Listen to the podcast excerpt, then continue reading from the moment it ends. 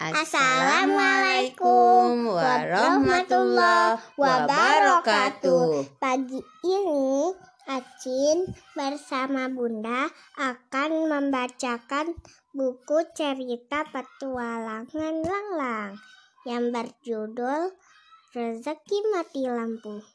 Bunda tolong bacakan ceritanya ya. Oke, Cin. Dengerin ya. Rezeki mati lampu. Gardu listrik di kota hewan terbakar. Petugas listrik kota hewan mengumumkan pemadaman listrik secara bergilir. Rumah Langlang akan terkena pemadaman malam ini. Oh, aku tidak bisa belajar komputer malam ini. Keluh Langlang. Menjelang petang, Langlang kembali dari tempat bermain. Hari sangat gelap karena mendung. Langlang teringat bahwa hari ini akan ada pemadaman listrik. Ia mencari-cari lilin di dapur. Ayah dan ibu belum pulang dari pasar. Wah, gawat. Lilin ditaruh di mana ya? Gumam Langlang tampak resah. Sebentar lagi malam akan tiba dan keadaan menjadi gelap. Langlang jadi ketakutan sendiri. Oh lala, Ternyata Langlang takut gelap. Ia mulai kehabisan akal. Ah, aku duduk saja di luar menunggu ayah dan ibu.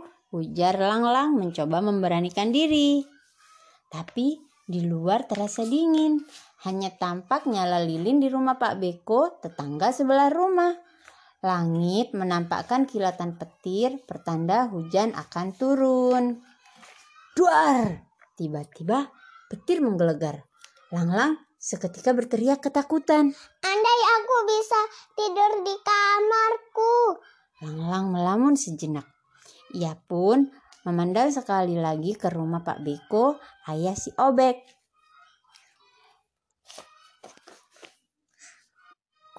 kupikir Pak Beko punya persediaan lilin. Bagaimana kalau aku meminjam meminta lilin ke sana saja?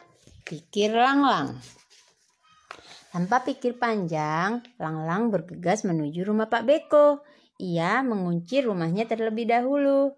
Sesampai di depan rumah Pak Beko, Langlang mengetuk dan mengucapkan salam. Salam. Oh, Langlang, ada apa? Tanya Pak Beko. Kupik saya kehabisan lilin. Pak Bo. Pak, bolehkah saya meminjam satu lilin saja? Oh, tentu saja. Kamu bawa dua atau tiga lilin. Saran Pak Beko. Lang-lang mengucapkan terima kasih.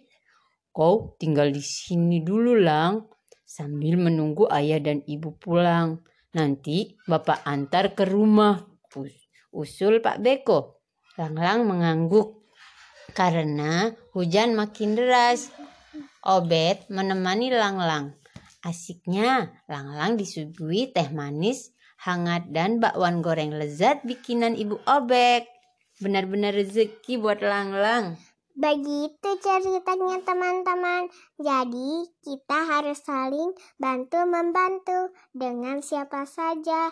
Setelah dibantu, jangan lupa ucapkan terima kasih ya. Sampai jumpa teman-teman di cerita yang lain. Wassalamualaikum warahmatullahi wabarakatuh. Terima kasih sudah mendengarkan cerita kami ya.